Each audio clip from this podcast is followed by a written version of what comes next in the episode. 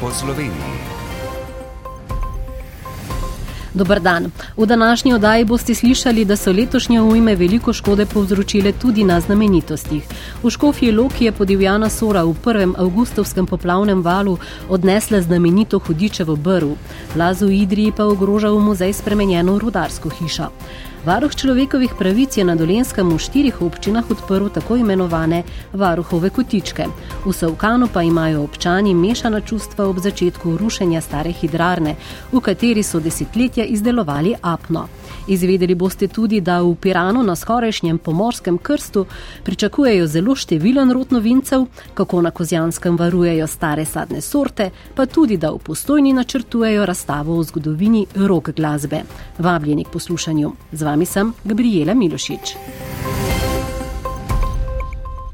V nedavni ujmi je veliko škode nastalo tudi na kulturnih spomenikih. Škodo še popisujejo, vsa, pravijo na ZVKD-ju, bo vidna šele čez nekaj mesecev. Že zdaj pa je jasno, da je kar nekaj spomenikov in objektov utrpelo neposredno škodo. Med drugim je podivjana Sora po skoraj sto letih znova odnesla eno največjih škofjeloških znamenitosti, hudičevo brv, ki je bila v pisni obliki prvič zabeležena že leta 1639. Prispevek Romane Rjavec. Mostič je po legendi ime dobil po nekdanjem prikazovanju hudiča, ki so ga domačini skušali pregnati tako, da so na obeh stranih reke postavili kapelico, na otočku sredi brvi pa znamenje svetega Janeza Nepomuka, ki je povoden tokrat preživel, ni pa mu uspelo zaščititi lesenega mostu. Ja, mislim, da za vse ločanke in ločane je simbolno najbolj boleče, da je prav staro hudičevo brv odneslo in s tem enega od mogoče najbolj uh, idiličnih simbolov Škofje Loke. Obljuba kulturne ministrice je, da bomo to reševali preko evropskih skladov, prav namenjenih obnovi kulturne dediščine, kar se mi zdi tudi prav.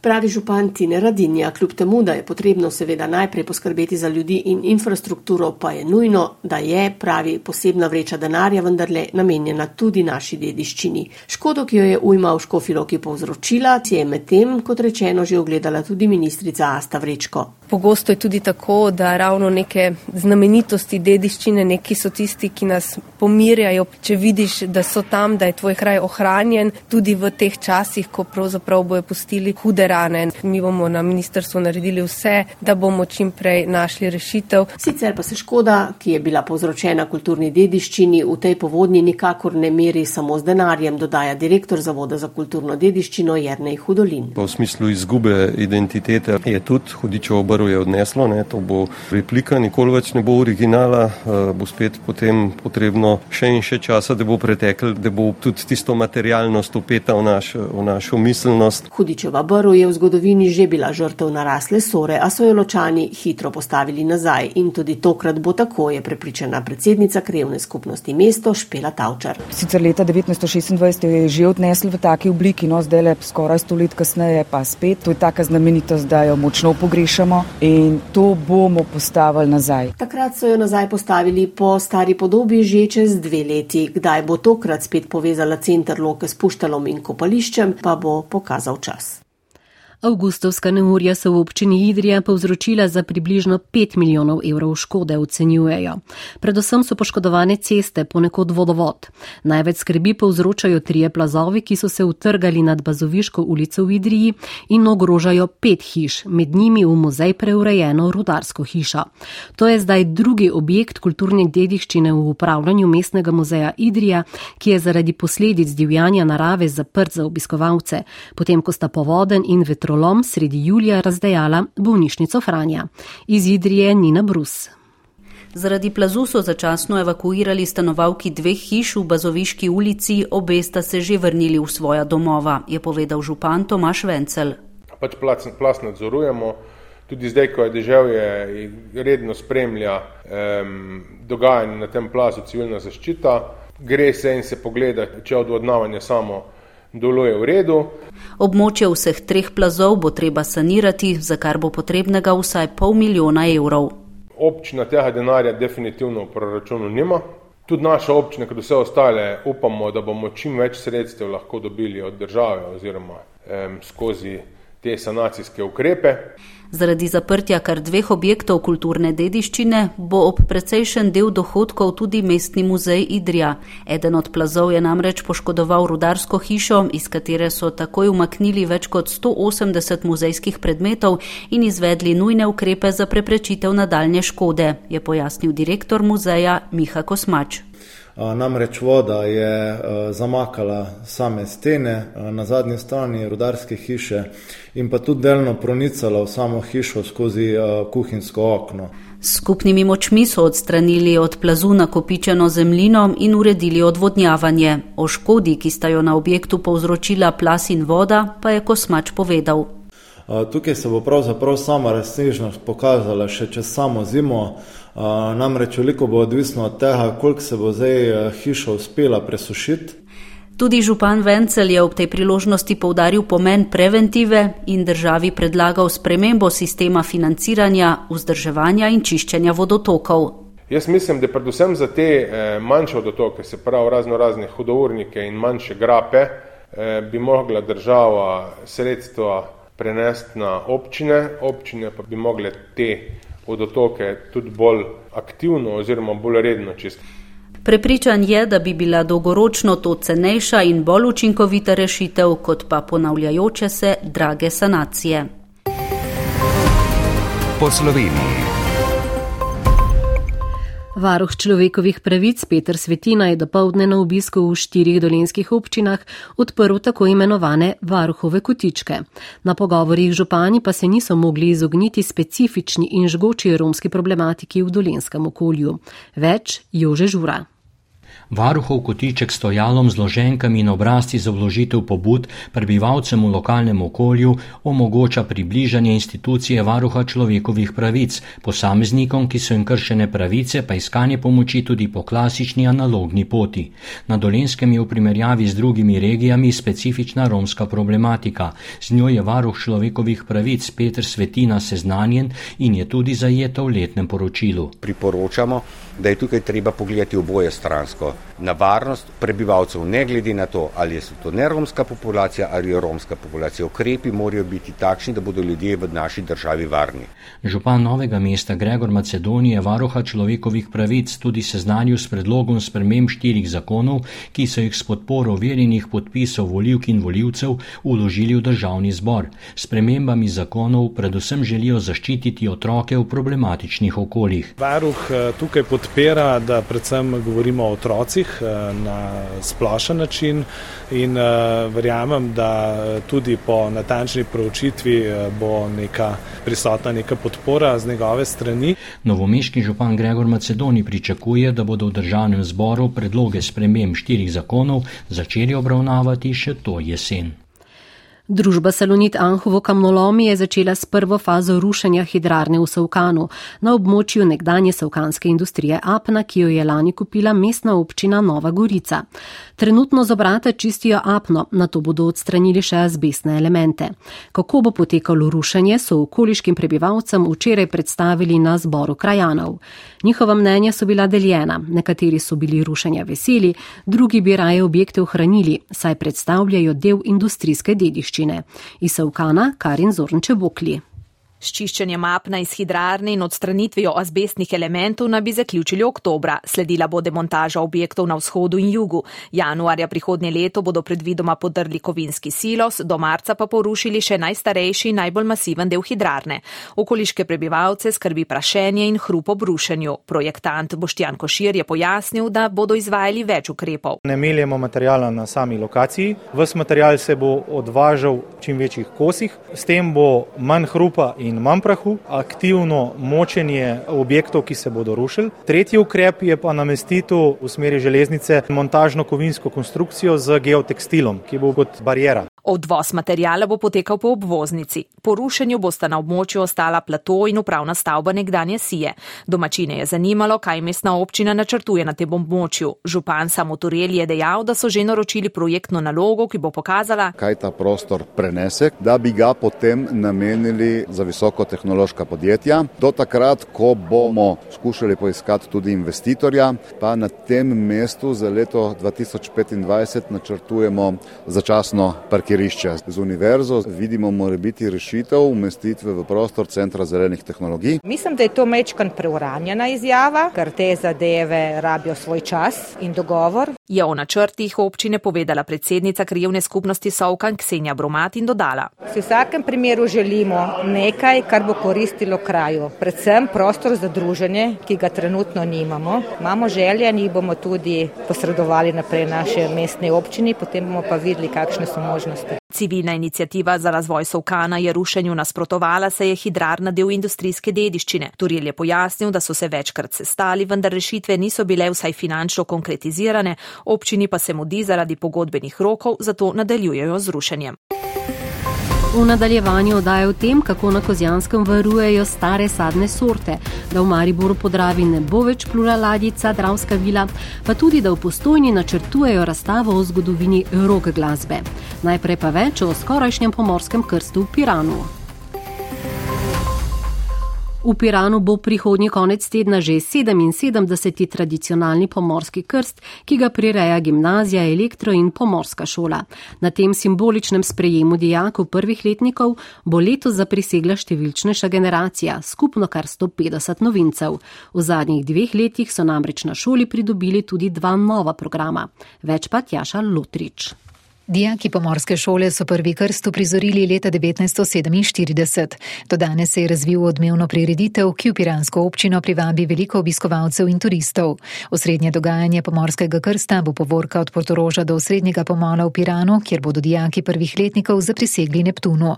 Ravnatelj gimnazije elektro in pomorske šole Piran Borod Butinar. Letos je za nas posebno leto, kajti po dolgih desetletjih upisujemo spet veliko število dijakov v prvi letnik. V letošnjem šolskem letu bomo upisali kar 150 novincev na enoti elektro in pomorske šole, tako da z veseljem pričakujemo pomorski krst. Za skoraj 100 odstotkov večji upis ravnatelj pripisuje dvema novima programoma, ki so jih v zadnjih letih pridobili na šoli in sicer logistični tehnik in tehnik računalništva, obenem pa je bila tudi številčnejša generacija devetošolcev. V program plovbni tehnik v zadnjih letih redno upisujejo okrog 30 dijakov. Mi se trudimo, da bi pomorstvo ostalo tudi del pomorske usmerjenosti naše države, da ne bi bili pomorska država le na deklarativni ravni, ampak tudi de facto. Pomembna pridobitev za šolo je bil tudi poligon za reševanje na morju. Pogoji in kvaliteta izobraževanja se izboljšuje, tako da lahko rečemo, da so dijaki vedno bolj izobraženi na tem teoretičnem nivoju, ne? tako da se veliko lažje lahko vključijo v trg dela, seveda pa delodajalce, ki smo ga nekoč imeli, kot je bila splošna plovba, ne moremo nadomestiti. Čeprav splošna plovba se tudi v sedanjih razmerah trudi in ponuja nekaterim dijakom štipendije. Z novim šolskim letom in ob večjem številu dijakov na šoli pričakujejo tudi rešitev težav z avtobusnim prevozom. Želanje je bil avtobus, ki dijake iz Ankarana in okolice Kopra pripelje do Pirana, premajhen, zato so morali nekateri iskati druge oblike prevoza. V Kozjanskem parku v podsredi bodo v prihodnjih dveh letih v sadovnjaku na gradišču vzpostavili interpretacijski center za visokodebelne travniške sadovnjake ter ta prvi tovrstni učni center v državi povezali središčem podsrede s tematsko jabučno potjo. S tem bodo nadgradili več kot 20-letno prizadevanje za ohranitev starih sadnih sort. Podrobnosti Suzana Vahtarič.